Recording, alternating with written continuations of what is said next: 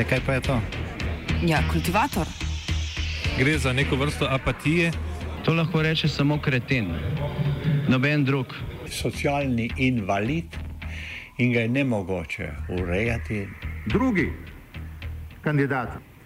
Pa, eh, pa pije, kadi, masturbira, vse kako hoče lahko počne. Nihče tega ne ve. Vsak petek skultiviramo dogodek tedna. Lahko po kriterijih radio študent, težko pa po evropskih kriterijih. Ampak na drug način, kot vi to mislite. Kultivator vedno užge. da pač nekdo sploh omenja probleme, ki so in da pravzaprav sploh nekdo sproži dogajanje uh, v družbi. To drži, drži.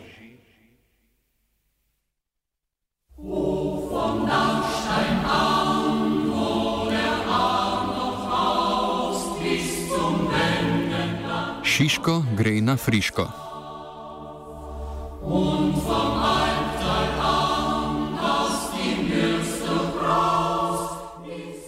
Na današnji dan se je leta 1874 v Kamniku rodil Rudolf Meister, junak Štajerske, eden izmed najodgovornejših mož pri odrč, od, oziroma določitvi severne meje države Slovencev, Hrvatov in Srbov, ki se je prevedla v današnjo severno mejo Republike Slovenije. 145 let kasneje je okrožno sodišče v Mariboru sprejelo prvi obsodbi kaznivega dejanja ščuvanja k nasilni spremembi ustavne ureditve v zgodovini samostojne Slovenije.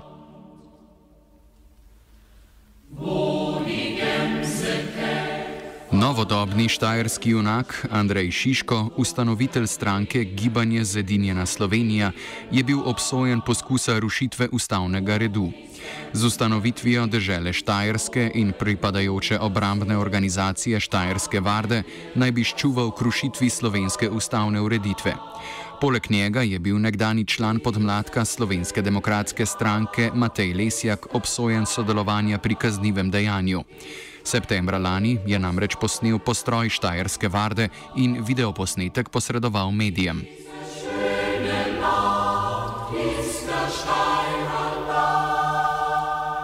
Miha Šepec, predavatelj na pravni fakulteti v Mariboru, pojasni, kako slovenska zakonodaja obravnava ščuvanje in za kakšno kaznivo dejanje gre.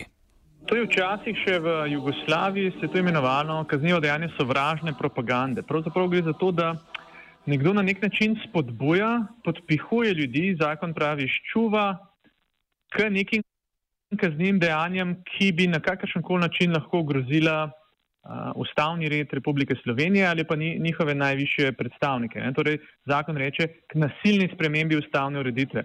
Ampak dejansko gre pri tem kaznivem dejanju za to, da do tega ne pride. Torej, to je samo neka potencijalna možnost, ki bi morda lahko nastala v prihodnosti iz tega organiziranja in ščuvanja k temu. Ne? Torej, ni potrebno, da, da dejansko pride do te posledice, ampak samo na neki abstraktni ravni predstavlja potencijalno možnost, da bi do tega lahko prišlo.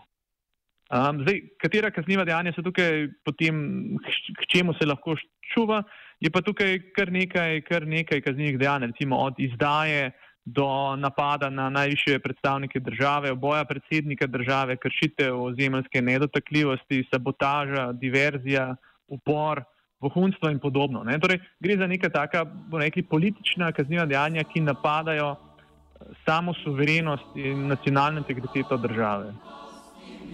Samo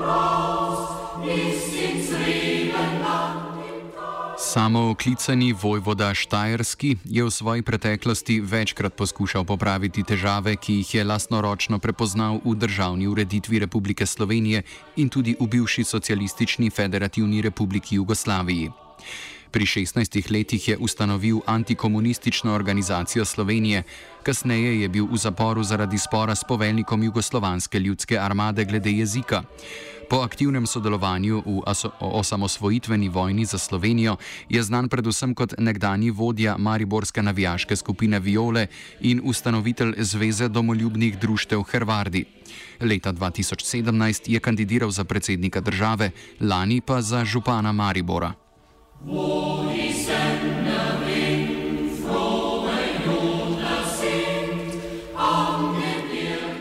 Kljub temu, da sta vardista izgubila boj na sodišču, pa podpredsednica gibanja Zedinjena Slovenija Anica Bidar ostaja optimistična. Stranka ostaja osredotočena na prihodnje politične podvige, kot so evropske volitve. Obtožnica za Andreja Šiška ne pomeni v bistvu nič, ker bomo se pritožili. Prihodnost stranke je skozi bolj svetla, gremo od zmage do zmage naprej. Naslednji teden nadaljujemo zbiranjem podpisov podpore, ki jih še nekaj rabimo za evropske volitve. Uh, gremo do zmage naprej.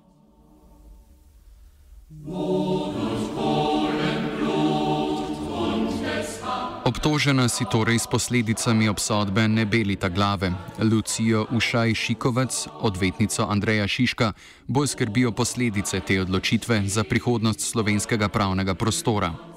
Boji se, da bi lahko sodba Andreju Šišku in Mateju Lesjaku usmerjala prihodnje odločitve v primerih rušitve ustavnega reda in tako škodila demokraciji in svobodi. Če se bomo pritožili, ne, jaz računam, da to nekje na neki inštanci bo seveda padlo. Razen, če se bodo zadeve v Evropi res bistveno obrnile v smeri uh, zmanjševanja državljanskih pravic in svoboščin. Ne.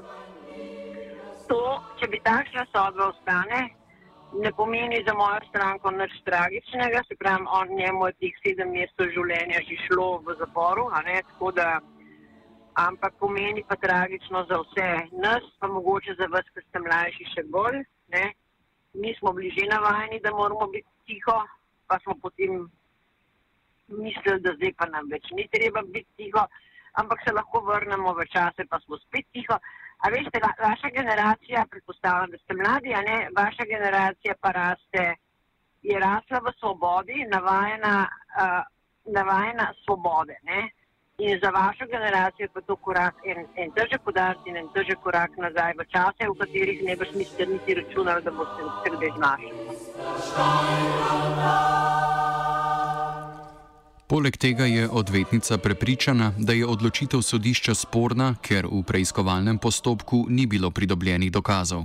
Po mojem nobeni mislim, da tudi ta sodba. Uh, ko bi vam rekla, nima, niti ni imela obtožnica, ni predložila nobenih dokazov, ker jih ni bilo. In tudi uh, dejstvo, da se je sodnica v bistvu samo na izjavo obdolženca naslanjala v njegovem zagovoru, to pa je, da je pač on seveda prepričan, da država rab obrambo. Ne? Mislim, nekako tako je bilo razumeti, veste, ona je danes podala ustno obrazložitev sodbe, drugih dokazov pa ni bilo. No. Um, mi smo imeli v dokaznem postopku kot dokazno gradivo televizijske oddaje. A veste, tako da lahko veste, da ni bil nek proces, ki bi bil res bil zgrajen na nekih tehnih, trdnih dokazih.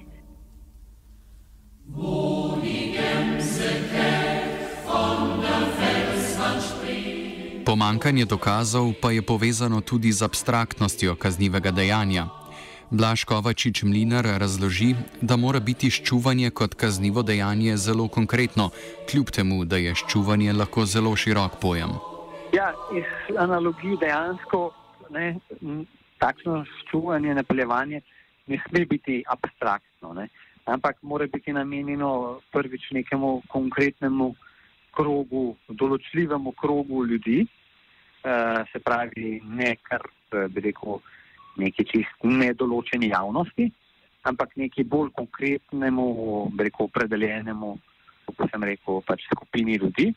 In seveda mora biti uh, mišljeno resno. Uh, zdaj mora biti takšno, ne, da pri teh, ki je to naslovljeno, povzroči, bomo rekli, željo storiti ta kazniva dejanja. Uh, tako da, če to speljamo analogijo iz, iz uh, napeljevanja in zahtev, ki jih kazenski zakonik pa so na praksa, imata pri napeljevanju na kaznivo dejanje, so pač to te kriteriji. Kakaj.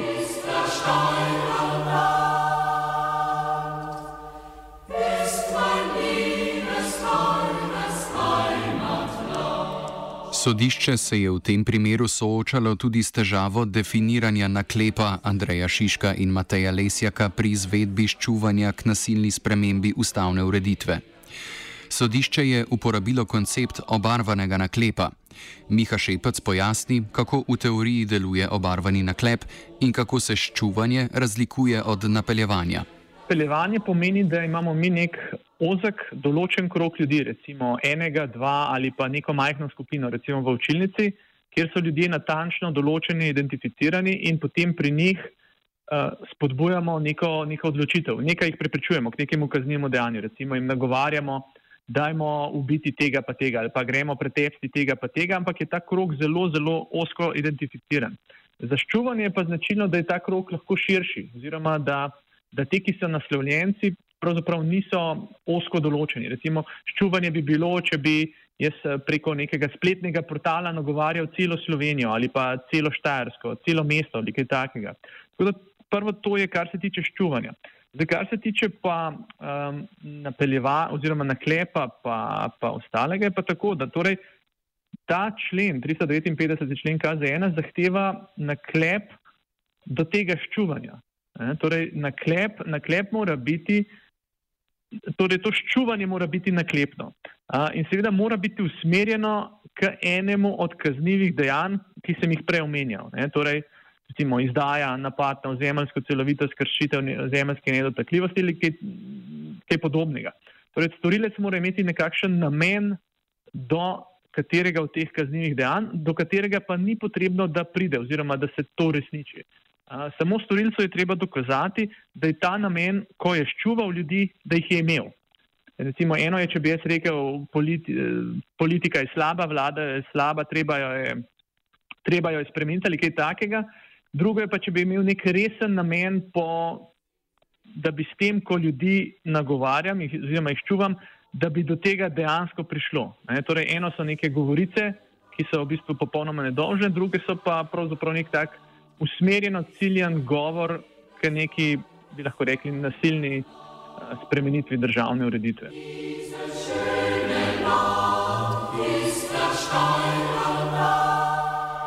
Zanimiv je tudi razkorak med določeno kaznijo in kaznivim dejanjem, ki sta ga Šiško in Lesjak zakrivila. Nadaljuje Ušaj Šikovec. Torej, to ni samo navaden naklep, ne? to je obarvani naklep. Da je ščuval ljudi k državnemu, torej k uporu. Ne? Ne? In on niti ne vemo, koga ne bi ščuval, niti s katerimi besedami ne bi ščuval, s katerimi dejanji ne bi ščuval. Skratka, tukaj manjka ne? ta povezava. Vse Šiško je marsikaj rekel, ne? ampak on, če bi tudi na obravnavi pomanj govoril, tudi naš ne bi bilo narobe. ampak v redu. Marsikaj je rekel, ampak a veste, če vi pogledate samo kazen ali pa tudi predlagano kazen, ne? A vi mislite, da bi nekdo, ki ščuva in resno poziva ljudi, da naredijo državni udar, dobil samo 8 mesecev zapora? Mislim, ali pa tukaj doživljal s predlago šta, uh, leto pa štiri mesece zapora. Mislim, da to bi bilo pa res naravno smešno, ne? zato dobiš že, uh, mislim, zapor, ne vem, če zariš prometno nesrečo, ne? mislim, ne, hočem reči, gre za vendarle tako kazen, ki je v, v taki diskrepanci s hudim kaznivim dejanjem, ne? Uh, da, da kaže na to, da seveda niti tožilstvo, niti sodišče ni verjelo, da je, to, da je karkoli resnega na tem, ne? Ampak kot rečeno, ne bi bilo v pomin in se jaz res bojim, da smer, ne, smer ni prava. Še enkrat rečem, ne sama sodnica, daleč od tega, ampak smer razmišljanja in dajanja nekih direktiv in navodil ni pravilna. Oziroma se lahko poslovimo od vsega tega, kar smo mislili, da smo dobili, ne, od svobode, od svobode mišljenja in od svobode govora ta del je pa zaskrbljujoč. No?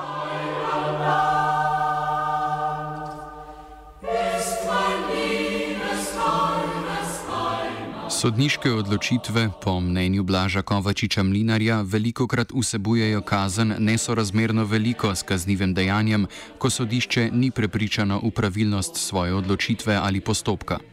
Če je najbolj, če se ne motim, 8-mesečna zaporna kazen, kar je na spodnji meji kazni, ki je predpisana za to kaznivo dejanje. E, tako da se včasih pri takšnih kaznivih dejanjih, kjer gre za to razmerno huda kazniva dejanja, ker tukaj je kazen zapora do pet let predvidena, pa potem sodišče izreče sorazmerno nizko kazen, včasih meni kot kazenskemu upravniku postavlja vprašanje, ali gre tukaj res za zgolj razmišljanje sodišča, kakšna je kazen primerna, ali pa morda včasih se tudi dogaja, da sodišče ni čisto o krivdi obdolženca pripričano, pa tako na nek način kompenzira z, uh, kompenzira z nizko kaznijo.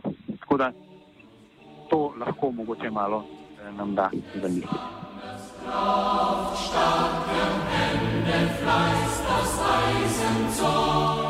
Zaradi opisanih spornosti sta obsojena prepričana, da gre za politični proces. Andrej Šiško je že veliko krat poskušal dokazati, da ga politične sile v Sloveniji namerno poskušajo utišati. V današnji obrazložitvi sodnice Vanje Vrdelko Kol, da ima obsodba tudi funkcijo opomina za preostale državljane, pa odvetnica Lucija Ušaj Šikovec vidi dokaz političnega pregona svoje stranke. Kaznivo dejanje, ne, eh, državni udar oziroma ščuvanje k rušitvi mora biti konkretizirano, ne pa nekaj abstraktnega. Ne. Tukaj pa ni bilo nič konkretnega. Da, ni, gre za političen proces in tudi njena obrazložitev je bila, da je sodba dejansko opomin ostalim. Ne. To je za me ključen stavek, ki ga je izrekla in pomeni, da vse slovenske ljudske staje, ki so bile ne, v bodoče več bodo smele biti, da ne govorimo o raznih anonimus in teh drugih organizacijah. Uh, to pomeni natikanje na gobčnikov državljanom, uh, kar je pa v duhu zadnje čase tudi Evropske unije, da se državljane Evropske unije, ki so krepenili po svobodi, pač nauči, da ni več svobode.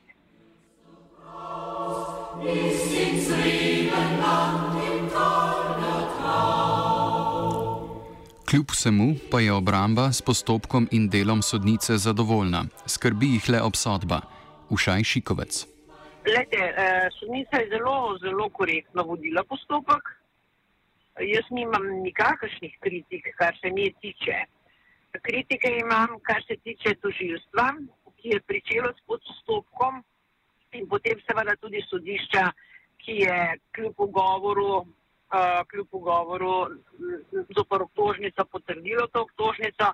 Namreč sprožil se je postopek na osnovi izjave premijaja Šarca, uh, ki je dobesedno zahteval prekvalifikacijo kaznivega dejanja in pregon. Uh, to se mi zdi grozen, velik in, in, in res hud poseg v neodvisno vajo oblasti v sodstvo in mislim, da si njih predsednik, takrat je bil mandatar, še celo ne bi tega smel dovoliti, čeprav sploh pa ne v času, ko se stavlja vlado, s čimer je pač preusmeril pozornost ljudi na druge stvari in Šiško je bil zelo hvaležna tema. Ne. To je mal eksotičen, uh, kako bi rekla, državljan naše države, drugačen, predvsej drugačen od drugih, predvsem je pa velik domoljub tukaj pa mu težko, da bi mu kdorkoli učitelj.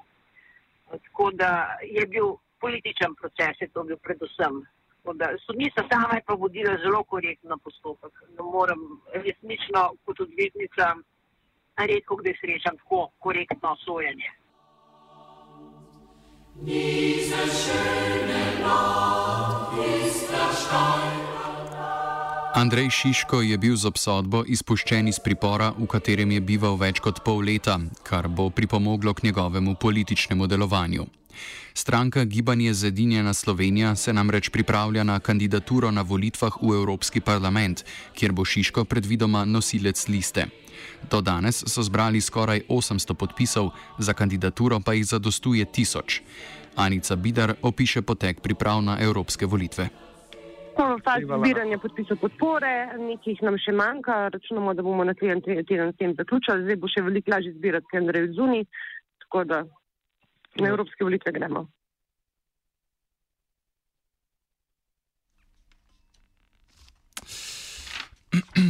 Zaradi suma politične motivacije sodnega postopka je podpredsednica stranke Gibanje Zedinjena Slovenija Anica Bidar že januarja kazensko ovadila predsednika vlade Marjana Šarca z obtožbami, ki so bile vsebinsko enake obtožbam Andreja Šiška. Današnja odločitev sodišča je še okrepila njene sume. Jaz sem dala kazensko vadbo proti Marinu Šarcu, dva meseca pa poži ni odgovora, ker je posegel v sodno oblast in jaz danes, ko smo poslušali obsodbo, sem imela občutek, da sem naredila edino pravilno, da sem podala kazensko vadbo proti Marinu Šarcu. Ker jaz sem imela občutek, da je naščuvana sodnica, oziroma to je moje mnenje. Ker uh, sodnica je bila vse čas postopka zelo korektno, se nam je zdela, lepo je korektno vodila postopek, čeprav je bilo veliko protestnih napak, ampak res pa nismo pričakovali obsodbe. Lahko je pa obsodba samo zato, da ga bojo poskušali politično onemogočati. Diese schöne Nacht ist der Steine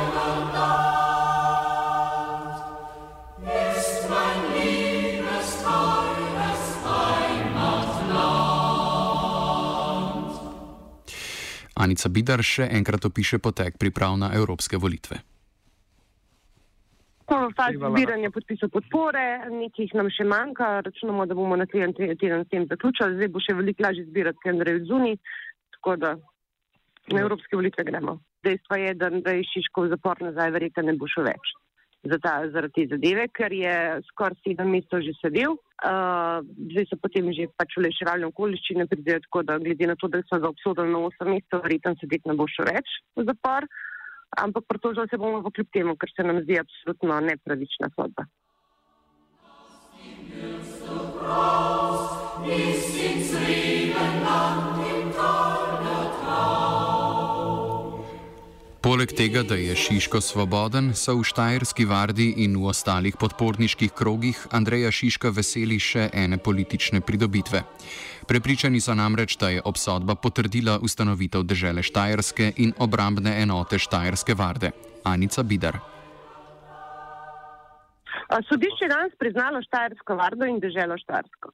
Je pa Andrej prej v intervjuju pred sodiščem povedal, da bo zdaj napisal pismo predsedniku vlade, mislim, da notrenjemu ministru pa obrambnemu ministru, ministrstvu in se bo z njimi pogovarjal o nadaljnih korakih oziroma o sodelovanju.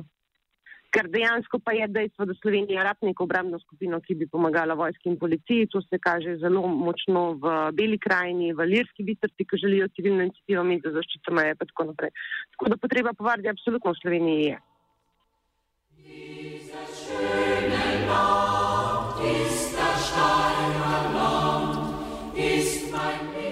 Svoje mnenje o ustanovitvi države in obrambne organizacije je podala tudi Lucija Ušaj-Šikovec. A veste, ona je res rekla, da je ustanovil Štajersko državo. Mislim, to je prvič, da bo je nekdo to priznal.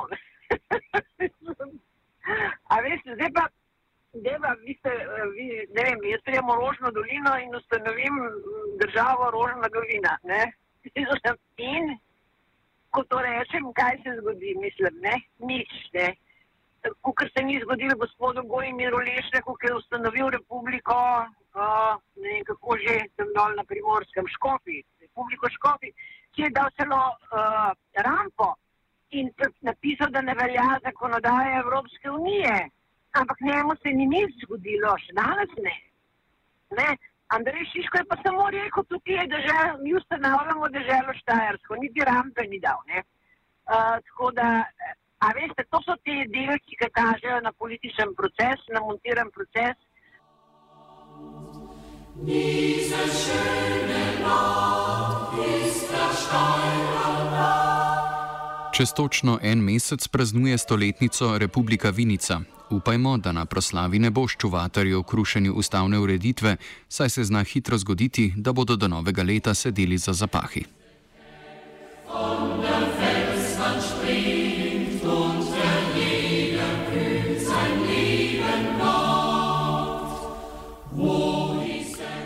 Mejo na Kolpi je branil Virant ker sem več mlada, sem tudi radio študent poslušala, pa ga sem več nisem.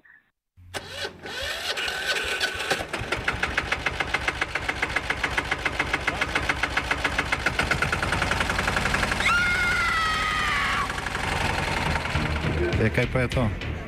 Ja, kultivator. Gre za neko vrsto apatije. To lahko reče samo kreten, noben drug. Socialni invalid in ga je ne mogoče urejati. Drugi kandidat Pa, eh, pa pije, kadi, masturbira, vse kar hodi človek počne. Nihče tega ne ve. Vsak petek skultiviramo dogodek tedna. Lahko po kriterijih radio študent, težko pa po evropskih kriterijih. Ampak na drug način, kot vi tu mislite. Kultivator vedno užge. Da pač nekdo sploh omenja probleme, ki so, in da pravzaprav sploh nekdo sproži dogajanje uh, v družbi. To drži, drži.